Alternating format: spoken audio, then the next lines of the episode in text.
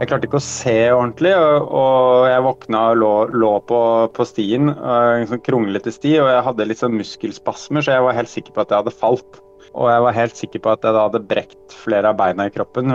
Jeg, jeg så jo ikke tydelig, så jeg syntes at jeg så at bein og armer lå i rare vinkler. Så jeg fikk jo helt panikk eh, og, og tenkte liksom at nå, nå har du knekt alle beina i kroppen, og nå, nå er det ferdig, liksom.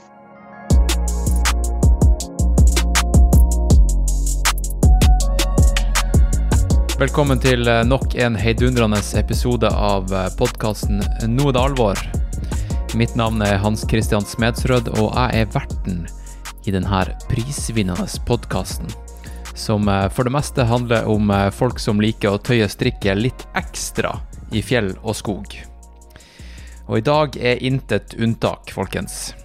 Denne episoden den ble publisert tidligere denne uka på Patrion, og jeg har eh, allerede fått eh, ganske mye feedback på den.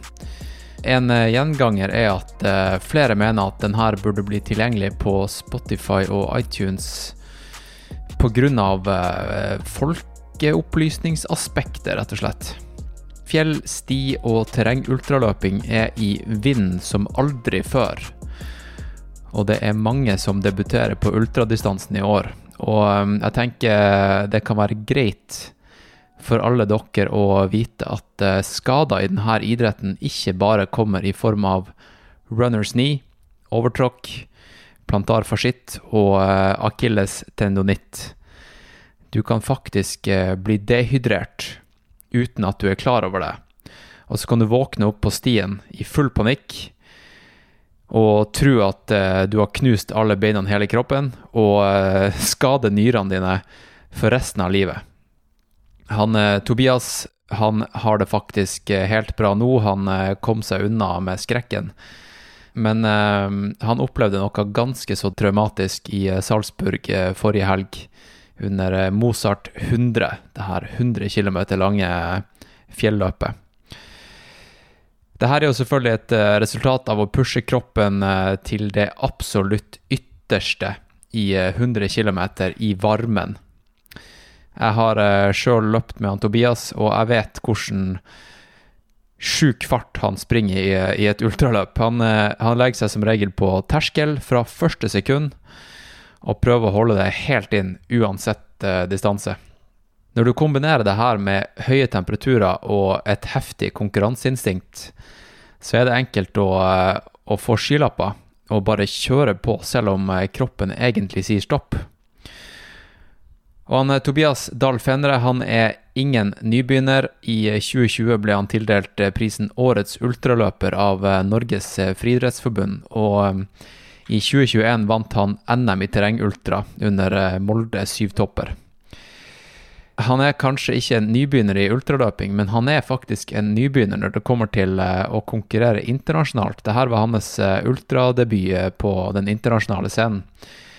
Han er familiemann. Han jobber som smøresjef for landslaget i skiskyting. Og, um, og jeg tenkte å legge ut denne episoden her nå helt gratis på Spotify og iTunes til alle og enhver, sånn at ingen går i samme fella som han Tobias. Og jeg har faktisk opplevd det samme. Jeg ble også innlagt på sykehus, det var vel i 2018, under et varmt løp i Spania med rabdomyolyse og eh, jeg pissa cola og var ekstremt eh, dehydrert. Så det her er ikke noe tull, folkens. Det er faktisk eh, ganske farlig.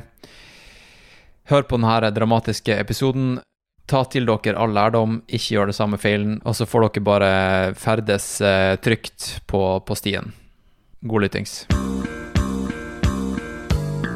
Hello, this is another one, another one, another one, baby.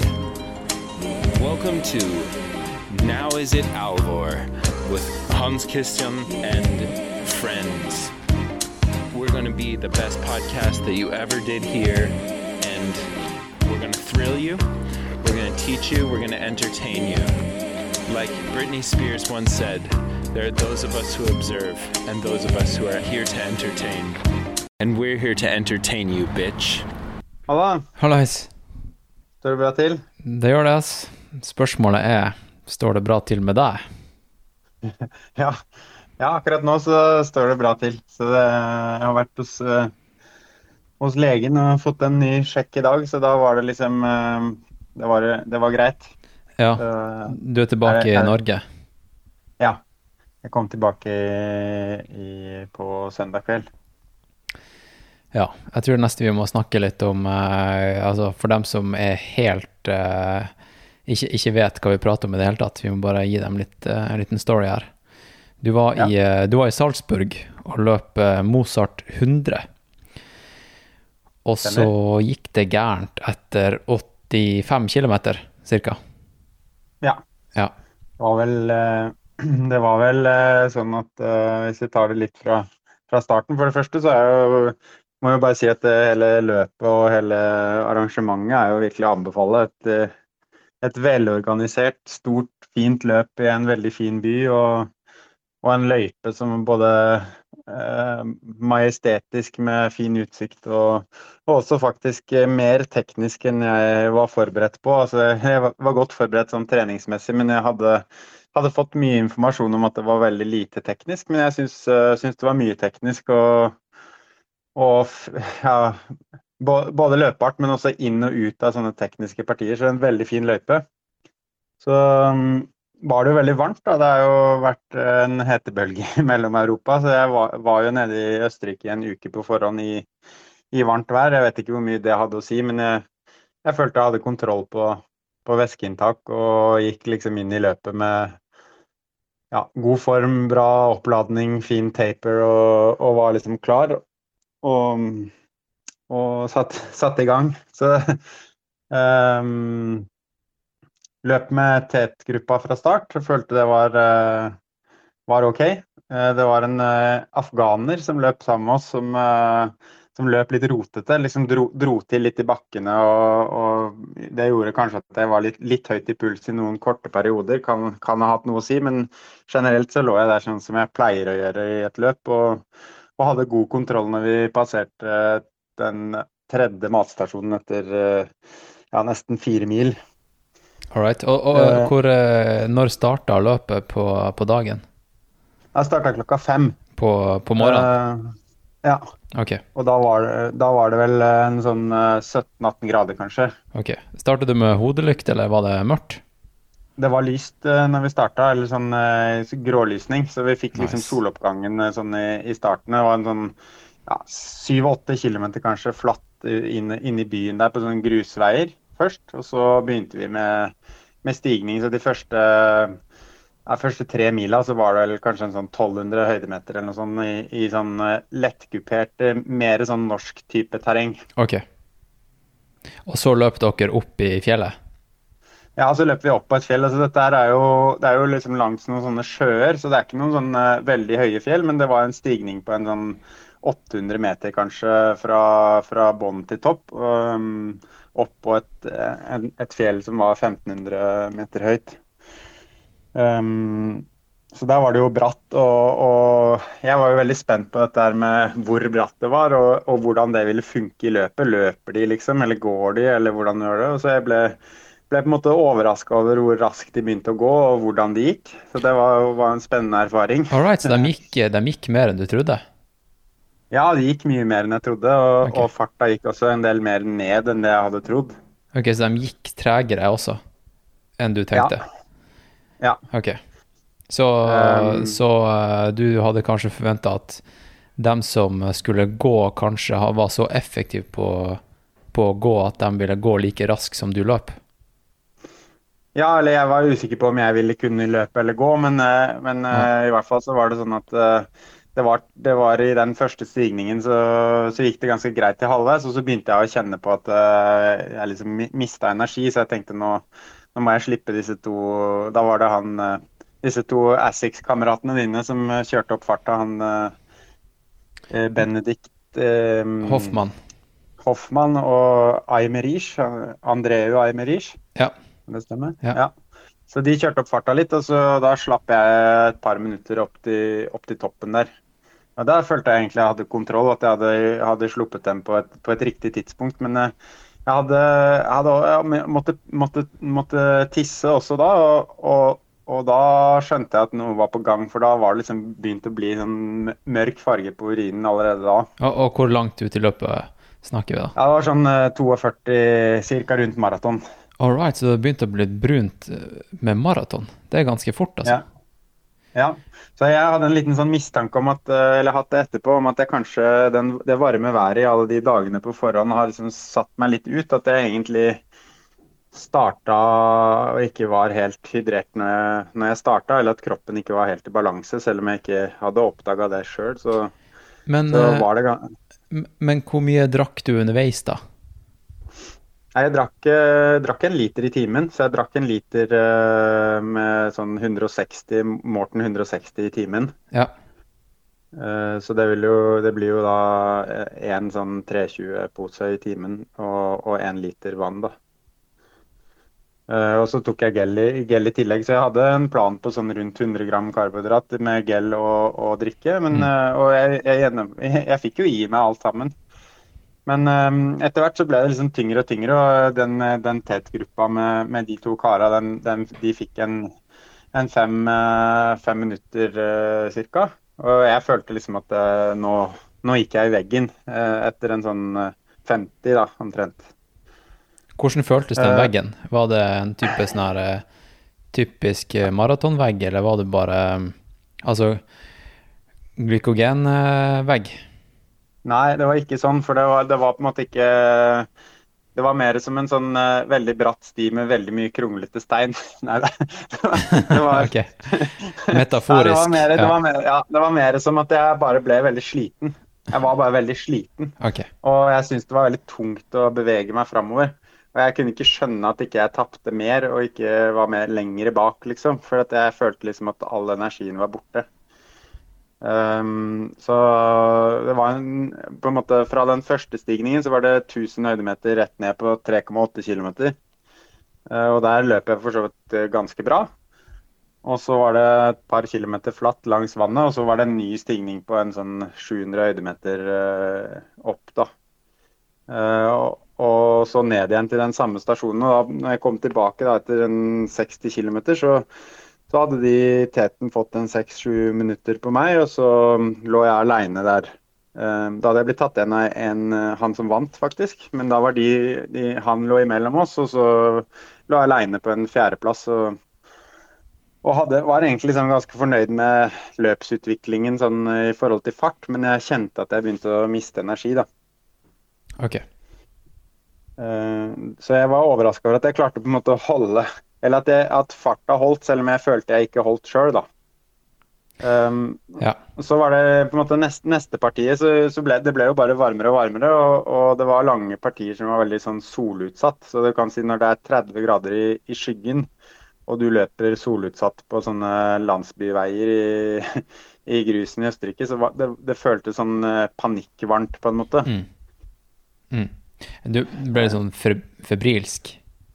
Ja, litt sånn. Ja. At uh, Begynner å tenke på, på cola, liksom, og, og er, er, ja, jeg, var, jeg var rett og slett ikke i, i balanse. Så jeg, jeg tenkte på at kanskje nå Kanskje dette er tegnet på at du faktisk skal gi deg. Ja. Men jeg, jeg har aldri vært i en sånn situasjon før. Jeg har aldri, aldri fått de tegnene før, så det var vanskelig for meg å vurdere. Um, så jeg, jeg løper jo videre, og det, her var det jo veldig tette matstasjoner, så jeg tenkte på en måte det var hver tiende kilometer. Så jeg tenkte at uh, jeg kunne komme meg til neste stasjon, og så kunne jeg gjøre en vurdering, og så løpe til neste igjen. Mm. Men uh, blir jo liksom grepet av det der racing-aspektet òg, når det plutselig da kom opp eh, to til til meg. Altså jeg lå i en gruppe eh, fra plass fire, fem, seks, og, og hvor det, den dynamikken i den gruppa fungerte veldig bra. Og, og faktisk jeg begynte å komme meg litt igjen da, fra, ja, 60, nei, fra 70 til 80 km, så tok, løp vi faktisk inn på teten. Um, og, og, og jeg klarte å få i meg, få i meg næring. Mm. Um, så da gikk det greiere. Men så, så begynte vi på siste, siste stigningen i løypa, egentlig. Den er- den ganske lang, da, på en, en 10 10-12 km med jevn motbakke i litt sånn eh, trapper oppetter. Og det her var midt på dagen, sant? Sånn rundt 12-1.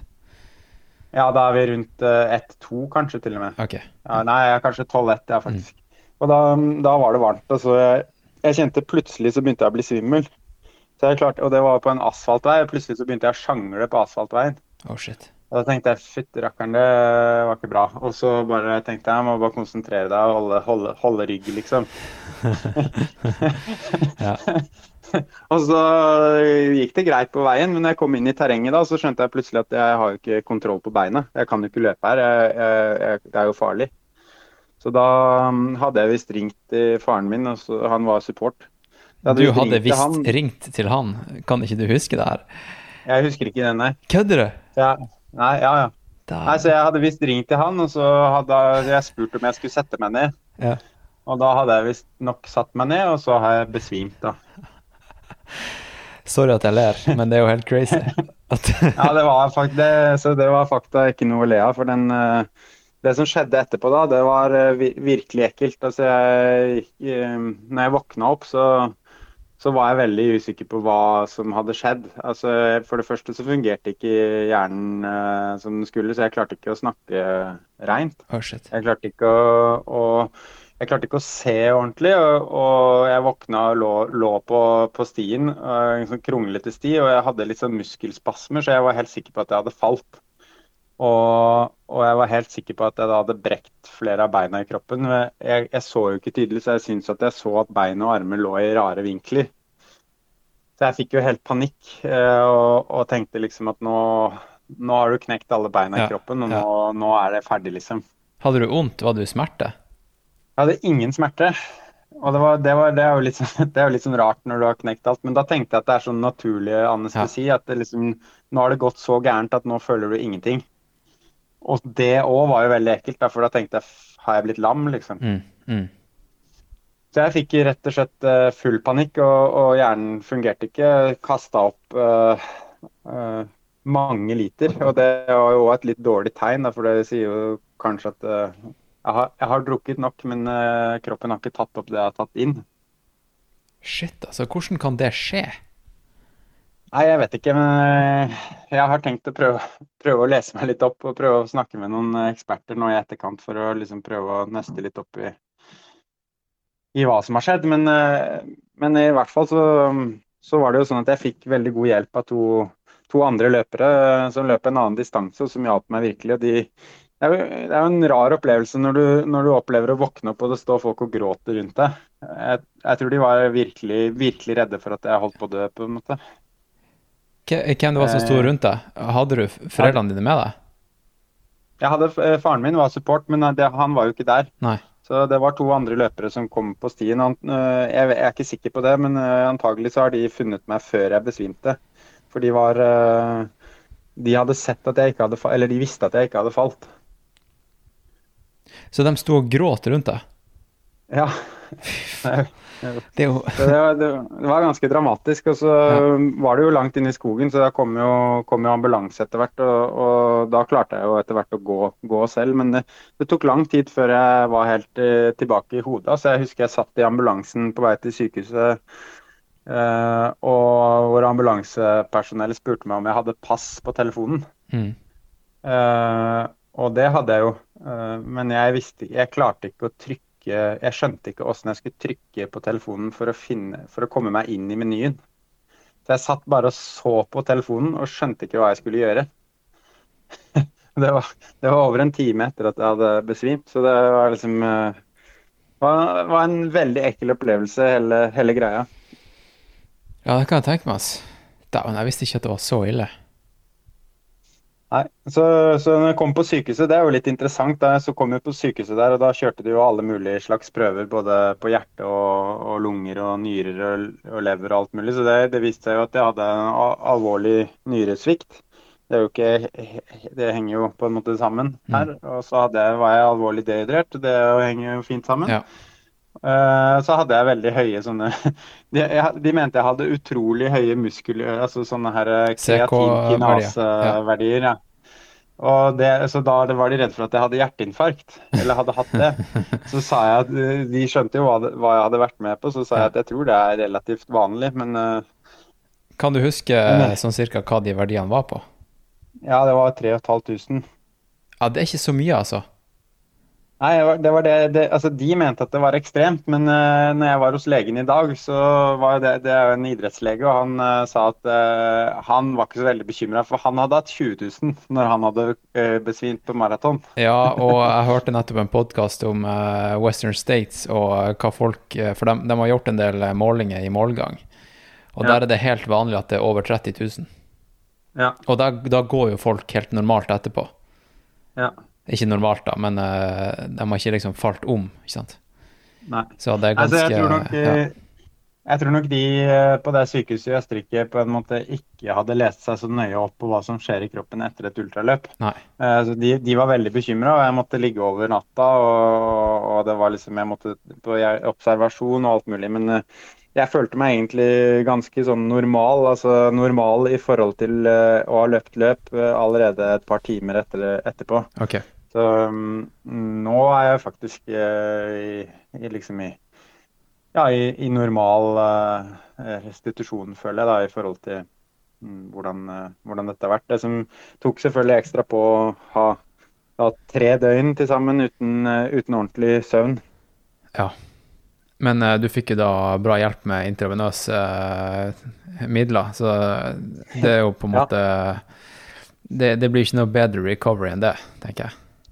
Nei, så Det er kanskje det man må gjøre, å bare besvime litt i målgang, så får man skikkelig, skikkelig behandling etterpå. Ja, men jeg tenker hvis man uh, skulle gått skikkelig til verk, så hadde man hatt noe sånn her Hatt med seg en liten bag og kjørt noe, noe rett inn i årene etter løp. Så, Ja, så det- kommer du deg med en gang. Det er dessverre ikke lov, da, men jeg, jeg skjønner poenget. Ja. Men du, eh, eh, nyresvikt, eh, det er jo ikke, det ikke noe kødd. Eh, har du snakka Hva sa legen til det? Altså, du har ikke gjort noe permanent skade? Nei, altså nå, nå har jeg tatt prøver i dag, så det, Mm. det har jeg ikke fått svar på ennå. Men uh, i utgangspunktet så, så tenkte, eller mente de at det, det antagelig ikke var noe, var noe problem Nei. med det. Jeg har hatt eh, normal urin og sånn eh, etterpå. Ja. Eh, så det kan nok ha vært en akutt situasjon. Du, du jobber jo med en god del andre toppidrettsutøvere, skiskytterlandslaget. Har du Ja. snakka noe med dem? Hva syns, hva syns de om det du styrer med? Eh, og om løpinga generelt. Nei, om den her hendelsen her, da, at du har klart å løpe Ja, på deg noe så ekstremt. Nei, jeg har ikke snakka med så mange, men eh, Ingrid Tandrevold har jo opplevd dette her selv eh, flere ganger. Ja, og, og kollapse i, i skiløypa. Mm. Nå er det vel kanskje litt andre årsaker til at hun har hatt det sånn, men, men det er jo en, en ekkel opplevelse i, i øyeblikket, og det får, får man får, får, Man får jo noen tanker på en måte i forhold til eh, ja, hva slags verdi det har det, vi, det jeg egentlig driver med, og hvor, hvor mye jeg er villig til å ofre for, for å på en måte få den rusen av å komme til mål og, og, og få den anerkjennelsen på en måte fra omgivelsene i forhold til at eh, fader, du er steingod, liksom. Ja, for du Um, kunne jo, du kunne jo komme til mål eh, bare med å løpe litt saktere, ikke sant? Ja, ja, altså jeg kunne helt sikkert ha justert tempo tidlig og kanskje ha kommet i mål på samme tida til og med. Altså det var, det var godt spillerom, ikke sant. Det var, det var god avstand mellom løperne. Og, og det var eh, Det var jo Han som vant, lå jo bak meg, eh, godt bak meg når jeg eh, når jeg begynte å få problemer. Ja, sant. Hvordan- at, at, Ja. hvordan lærdom drar du ut av det, da? Altså, har du lært noe om pacing? Ja, altså jeg tror eh, det er i hvert fall, i hvert fall sånn at uh, den måten jeg løper på nå, det er sånn som jeg har pleid å løpe i Norge. At jeg bare går ut i den farta jeg vet jeg kan holde, og så står jeg i den til mål. Men uh, at, den, at det fungerer å kjøre den taktikken i 30 varmegrader, det er jo definitivt lært at det gjør det ikke. Uh, Så jeg kan ikke holde terskel-effort i ti timer i eh, 30 varmegrader. Det går ikke. Men det har jeg jo gjort i 15 varmegrader uten, eh, uten at det eller, Og det har fungert. Så, Mm.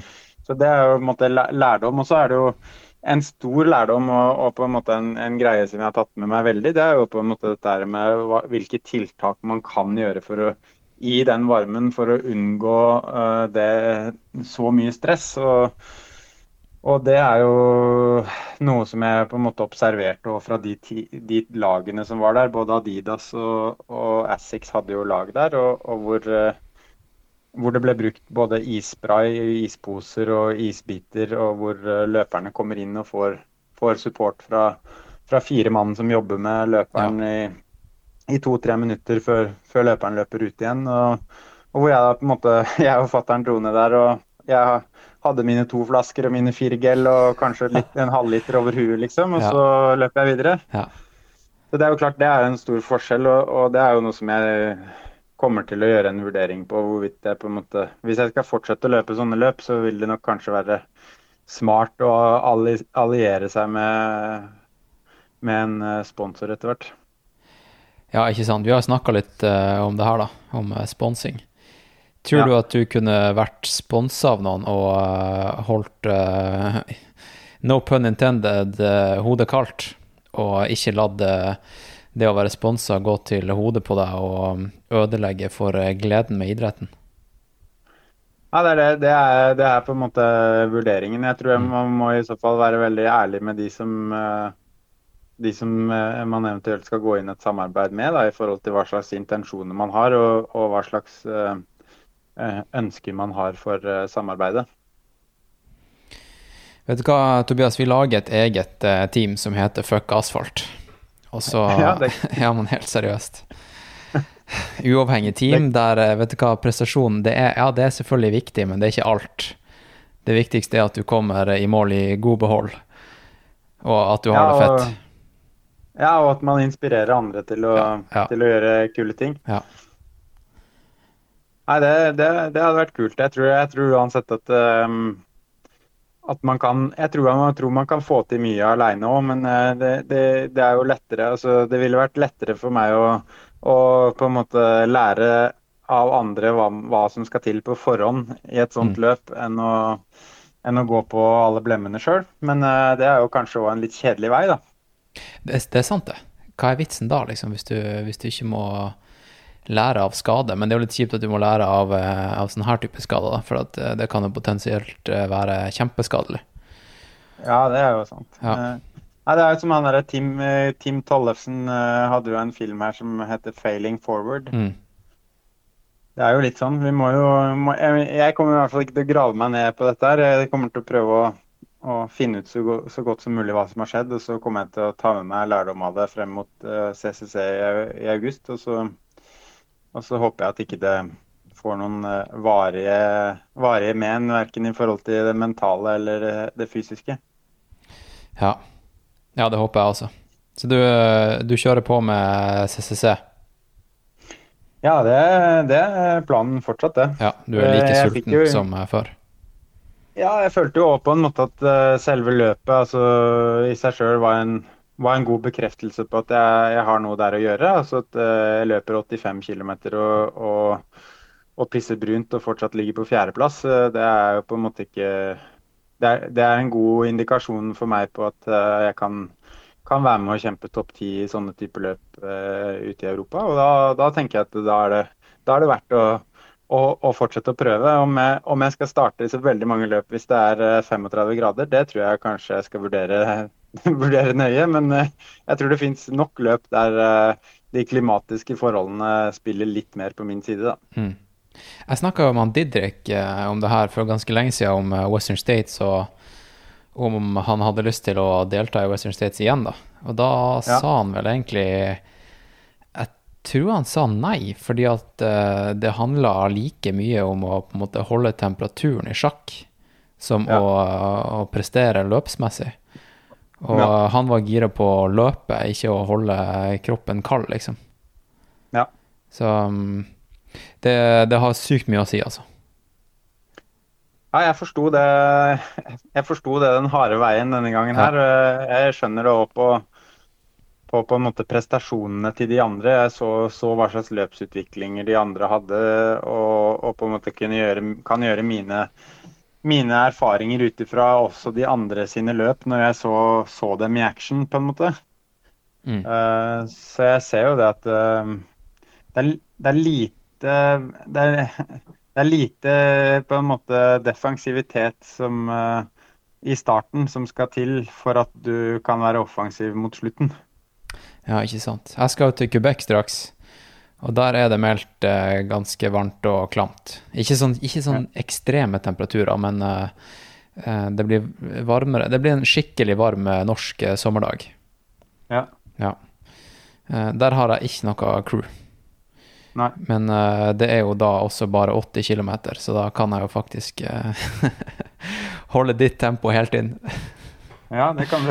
Nei, men jeg vil jo anbefale deg å prøve å lage deg en eller annen sånn strategi i forhold til å få tak i noe Enten at du har mye vann i dropbagen som du kan helle over deg, eller at du har eh, allierer deg med noen som kan uh, få tak i noen isbiter på en stasjon, eller Ja. et, eller- et, eller annet sånt. da. Jeg kjenner noen folk på noen stasjoner der, så jeg skal prøve å ordne meg litt uh, is eller noe sånt.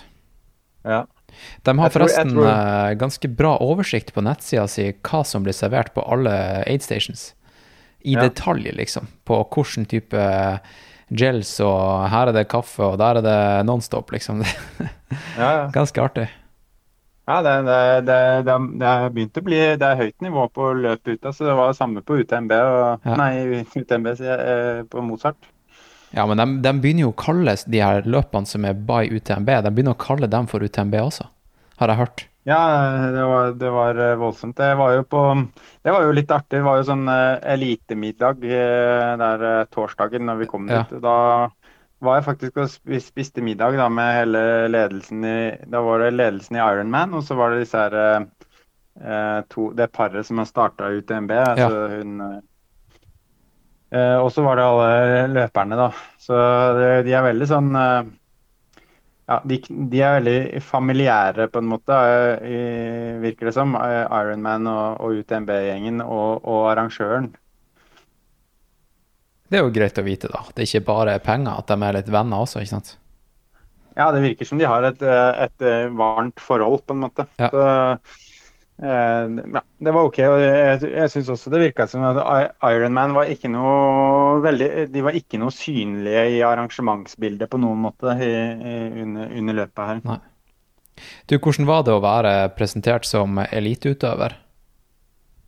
På det, Ja, det på det sirkuset der. Var det, var det mye stress involvert, eller? Følte du at du måtte prestere? Eller uh... Nei, nei, altså den eh, prestasjonspresset, det har jeg vel lagt på meg sjøl, på en måte. Så det, jeg følte ikke at det var noe utenifra der som, som gjorde det. Og jeg var veldig klar på forhånd på at jeg skulle gi det en sjanse og prøve. At det, var, det, var noe, det var ikke noe intensjon for meg å dra dit for å, for å, for å gjennomføre en 100 km, på en måte. Nei. Jeg, jeg, jeg ønska meg en topp tre-plassering, og jeg hadde vært fornøyd med en topp ti på en måte i, i det sirkuset, men, men jeg hadde ikke noe Jeg gikk for det, på en måte. Eh, sånn at det presset hadde ikke noe å si. Men det var jo litt, det var jo litt opplegg. Altså, vi var jo da invitert eller forventa på en sånn middag eh, torsdagen, og det var jo på en måte som en, en mediamiddag. Altså, det, det er jo ikke noe sånn at du setter deg ned og spiser middag og går igjen. Det tok jo fire timer, liksom. Mm. Og så var det en sånn presentasjon på ettermiddagen på, på fredagen før racebriefen. Og da, da var det opp på en scene, og ja, de sa navnet og litt sånn opplegg. Men eh, det var eh, det var, det var OK, det. altså. Det var, og det var veldig god stemning. Det var jo sånn, eh, det var jo sånn fe festivalaktig stemning med mange hundre mennesker i, i området der, og, og telt og sånn salgsboder. Og det løpet er jo også sponsa av Stigel, eh, som er bryggeriet i Salzburg, så det var jo litt øl og litt forskjellig. Du, hva blir eh, treningsopplegget ditt nå frem mot eh, CCC? Hvor mange uker er det igjen? Og det er åtte, to måneder, ganske nøyaktig, nesten. Det er to måneder ja. nøyaktig, åtte uker. Ja. Det er vel 26., tror jeg. eh, Mm. Den eh, er CCC. Så nei, eh, først og fremst først så skal jeg bli restituert ordentlig. Så jeg har liksom eh, Jeg har tenkt for meg sjøl at jeg skal i hvert fall ha en uke uten eh, løping Ja, smart. eh, nå. Eh, Det hadde jeg planlagt på forhånd. Eh, At jeg skulle bli helt eh, fresh, og så kanskje ta bare en sykkeltur eller litt sånn i, i den perioden. Og så har jeg um, tenkt å begynne litt forsiktig. En, eh, en uke med med litt bare vanlig trening. Og så skal, vi, skal jeg reise, på, reise, til Vestlandet og være, prøve å samle høydemeter i to uker. Hvor på Vestlandet? jeg har familie i Naustdal. Så det er rundt Førde-traktene. Okay. Uh, og da blir det på en måte fokus på høydemeter, og så fokus på å dele det opp litt. Og, og ikke kjøre for lange økter, men, men klare å, å, få til mye klatring og, og nedover. Mm. Og så blir det å dreie det litt Så vi kan si det, bryte det, bygge det litt opp som en sånn miniblokk, mini hvor, hvor, jeg på en måte får inn, får inn, litt elementer i starten. Og så jo nærmere vi kommer CCC, så vil jeg kjøre lengre økter og, og kanskje doble, doble, langturer. Så kjøre litt mer sånn shock weekend-variant som, som det, mm. dere har gjort. Men, men, prøve å gjøre det i, i, i, litt relevant terreng. Altså, I området her som jeg bor, så, så er det vel, vel, noen som er delvis relevante, men uh, bl.a. i området rundt Gaustatoppen osv. Men det er jo utfordring å finne, som, som vi snakka om sist, det er utfordring å finne de de lange nedoverbakkene som er lite teknisk. Ja, ikke sant. Og bratte nok. altså ja. Jeg ble overraska over hvor bratt det var. Når du har 1000 høydemeter fall på, på fire km, så er det klart at det er fire km etter hverandre med, med, over 250 meter dropp, liksom. Men det, det, det er noe eget. Ja. Nei, vi får, vi får, prøve å linke opp hvis du kommer deg til Åndalsnes eh, i sommer. Jeg skal, jeg skal bevege meg bort dit eh, sakte, men sikkert etter, eh, etter Quebec. Ja. Så jeg, jeg kommer til å Planen min er å, å legge mesteparten av treninga til uh, eh, CCC. Den skal være i Isfjorden og Åndalsnes og ja. Ja, i Romsdalen. Det er et par andre som skal løpe UTMB, som driver og trener borti der nå for tida òg, så det, det, blir, det, blir, nok ikke det dårligste miljøet du kan kan tenke jeg, Hvis jeg skal lov, få lov å tippe, så tipper jeg to av vinnerne i UTMB-serien eh, bor der. ja. ja. Jeg, tror det, jeg tror det blir mange topp ti-plasseringer der. Ja. uh, jeg møtte på Ida Nilsson uh, på stien i går, faktisk. Ja. Uh, I Isfjorden. I forgårs. Ja.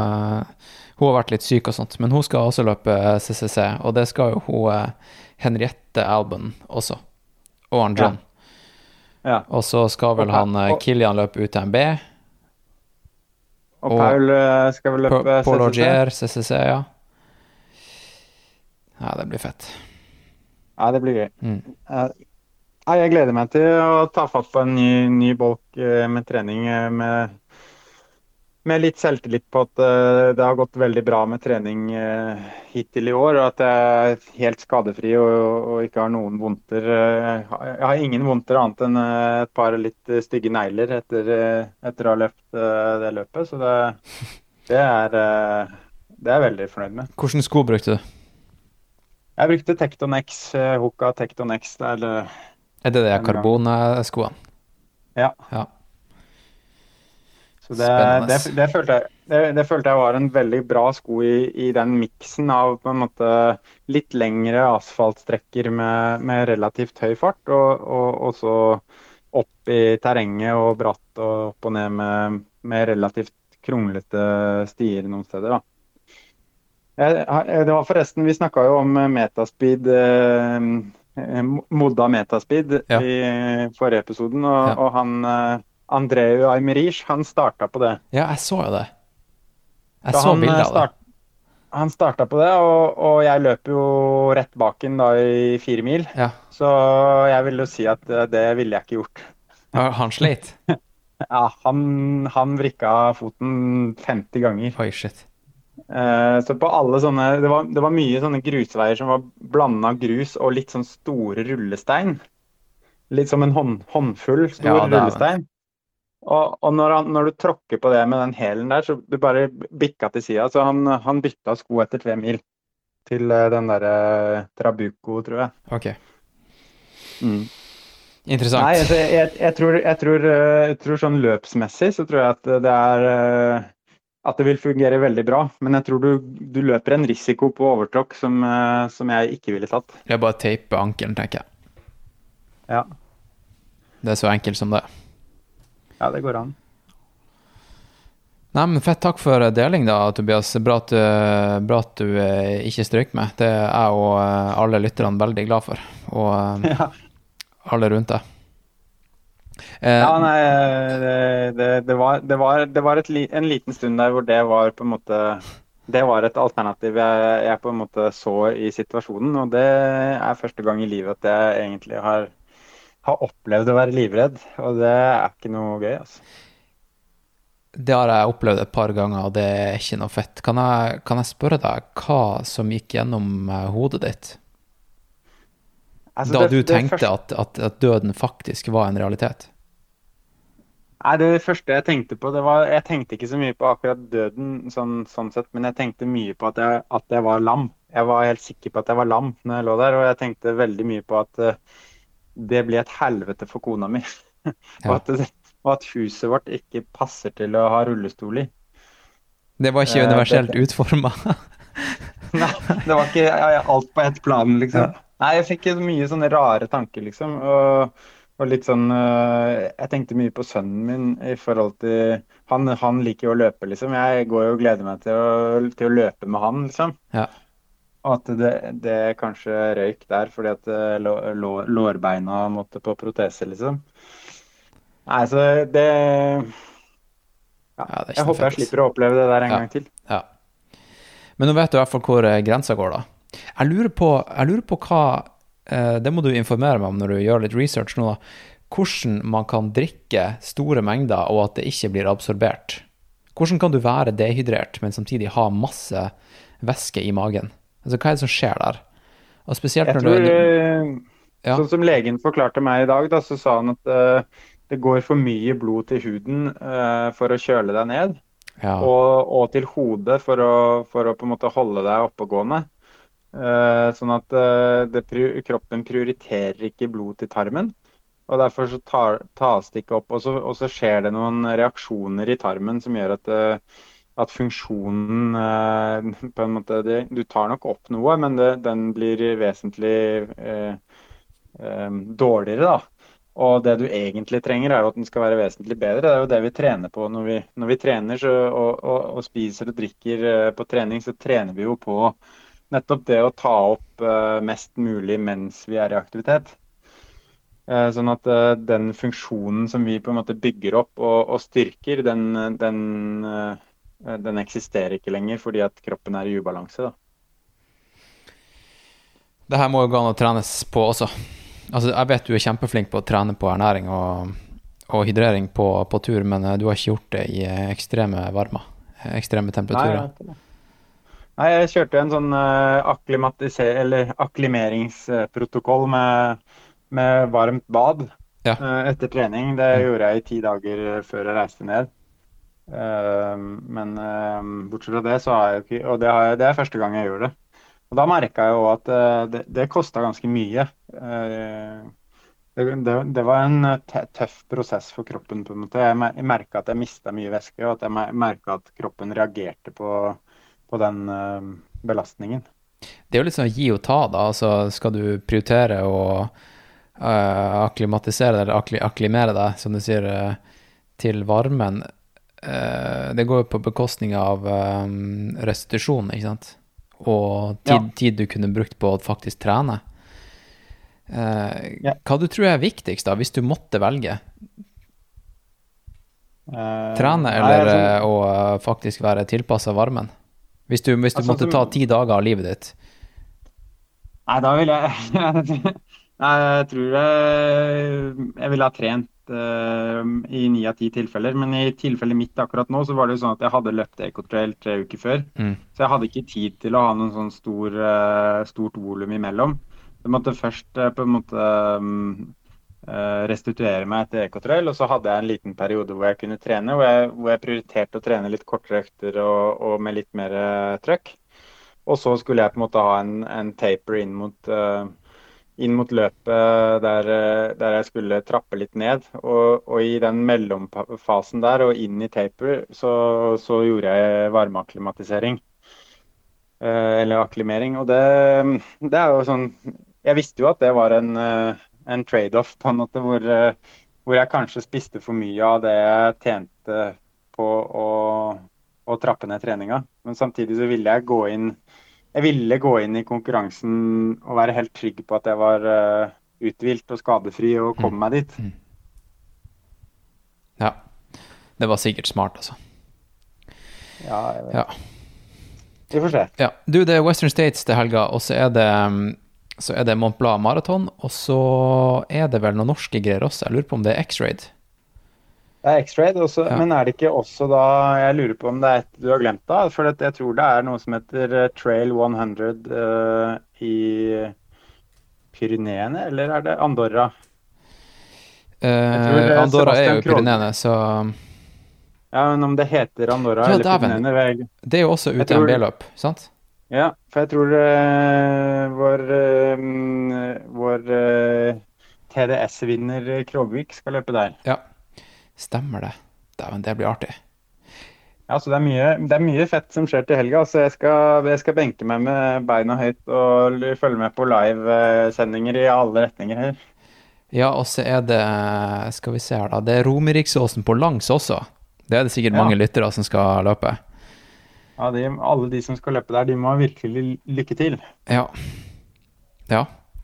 Det er, det er jo faktisk et løp som hadde vært litt kult en gang, å, å prøve å sette en bra tid. For det er jo et løp som har en fast løype, og så prøve å dra dit og liksom virkelig, virkelig rappe til ordentlig. ja, ikke sant?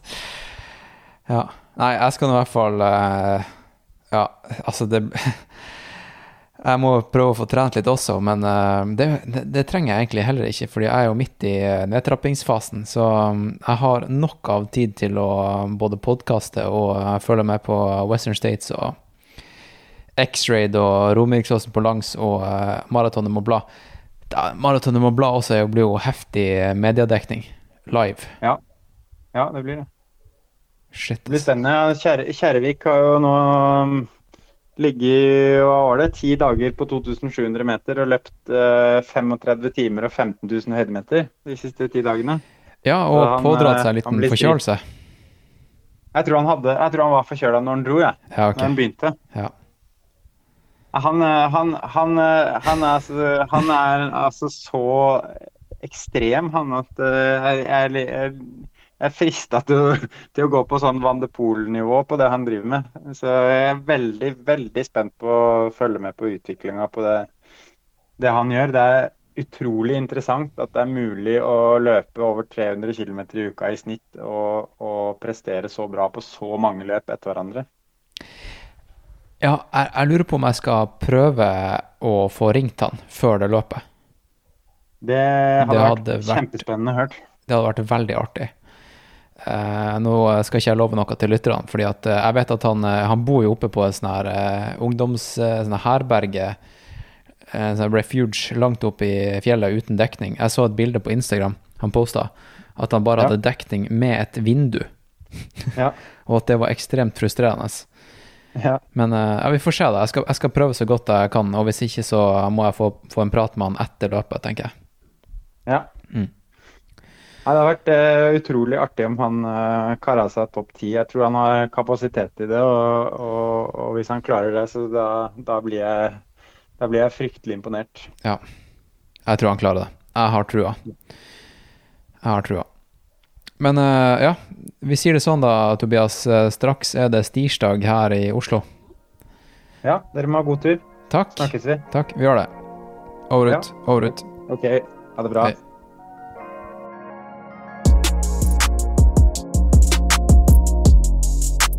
All right, eh, folkens. Takk for at eh, du lytta til denne episoden av eh, Nå er det alvor. Vennligst, ikke gå i samme fella som han Tobias og, og meg. Eh, Jekk ned farta et par hakk når det bikker 30 varmegrader, er du snill. Det er faktisk eh, ingen som bryr seg om hvor fort du springer uansett. Det har ingenting å si. Det viktigste er at eh, du har det bra, og at eh, nyrene dine fungerer. Ikke sant? Det er ekstremt mye som skjer i eh, fjell-, sti- og terrengultraverden for tida. Jeg sitter faktisk i snakkende stund og ser på livesendinga fra Western States med han eh, Dylan Bowman. Og um, For øyeblikket så leder han Hayden Hawks foran han, han franskmann Ludvig Pomoret. Han er faktisk 48 år gammel. Det er ganske inspirerende. Så den idretten her kan du faktisk holde på med ganske lenge. På høyt nivå også. Eh, tidligere i dag så løp eh, han eh, Sebastian Krogvik inn til andreplass i eh, Andorra 100. Rett bak han eh, selveste Zack Miller. Og det hadde også faktisk en eh, heftig TV-sending. Og um, i X-Raid Ryfylke, som faktisk pågår fortsatt, så har vinnerne Tom Erik Halvorsen og Therese Aarvik allerede løpt inn til eh, seier. Så grattis til eh, dere. Og i Romeriksåsen på langs, den her 50 km i Romeriksåsen, så eh, vant faktisk Skyblazeren Olav Holden rett foran Skyblazeren Ola Skatvedt. Og på kvinnesida var det hun Aud Skaar som stakk av med seieren. Og ikke nok med det, i morgen så springer bl.a. han Anders Ponni Kjærvik og han Jonas Hesthaug, John Albøen og Henriette Albøen i um, Marathon de Mont Blanc i Golden Trail Series i Chamonix. Og i dag var det faktisk Isfjorden Skyrace i uh, Isfjorden, og der var det vel han Kilian Jornett og hun Emily Forsberg som uh, gikk av med seieren der. Så det må vel være egentlig en av de mest intense fjelløpehelgene eh, i hele sommer. Rett før fellesferien. Apropos eh, fellesferien. Om du har lyst på hundrevis av eh, timer med prating, sånn som du nettopp hørte med meg og han Tobias, så er det bare én ting å gjøre det, og det er å komme seg inn på Patrion. Rett og slett. Og det jeg har gjort nå, fordi det er sommer, så har jeg skrudd ned prisene ganske heftig, sånn at du får 16% rabatt på et helårsabonnement. Det koster vanligvis 109 kroner i måneden, og nå er det nede i 93,9 kroner. Det er en ganske solid rabatt. Og i tillegg til eh, tilgang på podkasten, så får du også um, eh, forkjøpsrett på neste utgave av eh, Fuck Asfalt-capsen. Du har kanskje sett at jeg drev og flagga litt og snakka litt om Fuck Asfalt eh, 3.0-varianten på Instagram. Og den er eh, Jeg snakka litt med dem som produserer capsen. Den kommer sånn ca. 1.8 nå i sommer. Og eh, den også ble det kun laga 100 eksemplarer av. Så om du er Patrion, så kommer du da først i rekka, eller først i, i køa. Og du får også 25% rabatt på denne capsen, om du er Patrion. All right? Neste episode av, uh, av podkasten på Patrion, uh, det blir en Nøsen Hundreds spesial. Jeg har prata med han uh, Paul Augier og hun Nora Ceres. Han Paul Augier han vant 100 km. Og Nora kom på tredjeplass på 50 km. Og jeg har prata med løpsarrangøren Paul Magnus, som har vært i podkasten mange ganger tidligere. Eh, og det, det, var litt av en ultraprat, altså. Den gleder jeg meg til å publisere. Og episoden etter det, det blir en prat med han eh, selveste Tor Gotaas. Og eh, du skal ikke se bort ifra at det blir en episode og race debrief fra neste helgs Quebec Megatrail som jeg sjøl skal løpe. Jeg stikker bort dit på onsdag. Eh, og om du blir Patrion, så får du også tilgang til eh, Slack-kanalen til eh, Noe det alvor. Da kan du chatte med meg og alle andre Patrions om alt som skjer i løpeverden mens det skjer. Jeg sitter faktisk akkurat nå og, og skriver litt og snakker med de andre patrionsene om Western States. Du kan få hjelp med skadene dine. Du kan få svar på dine ernæringsspørsmål til ultraløping f.eks., og eh, alle andre ultrarelevante eller urelevante spørsmål du sitter inne med. Link til Patrion finner du i episodebeskrivelsen. All right. Takk for at du hørte på. Over og ut, Roger og Knut. Da sier jeg Over og ut. Ja. Roger og Knut. Roger Knut.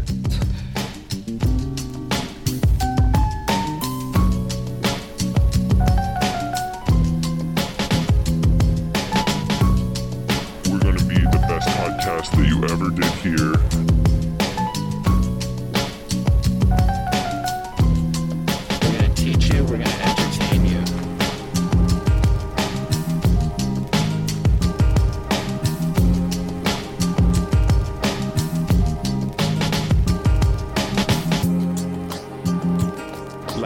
Britney Spears once said, I just wanted, and I wanted something different too. And I listened to a lot of like Selena Gomez, and um, I just think her vibe was like really, really cool and moody and sexy. So I wanted to kind of play into that a little bit. So Yeah, because it's classic Britney, but with a bit of a progression, I guess. Because the music is very different now to when you Yeah. first launched. It's not just pop band.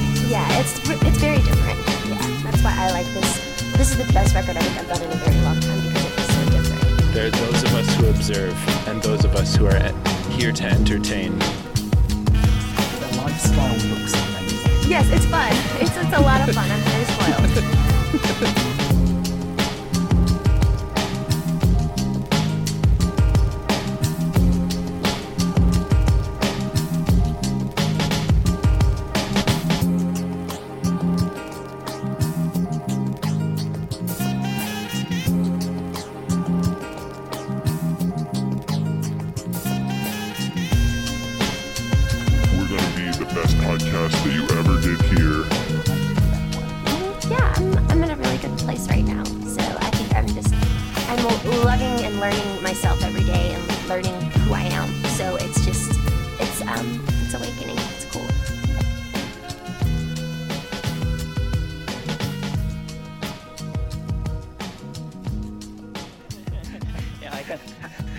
sier jeg over og ut. Ja. Eh, Roger Knut. Roger Kid.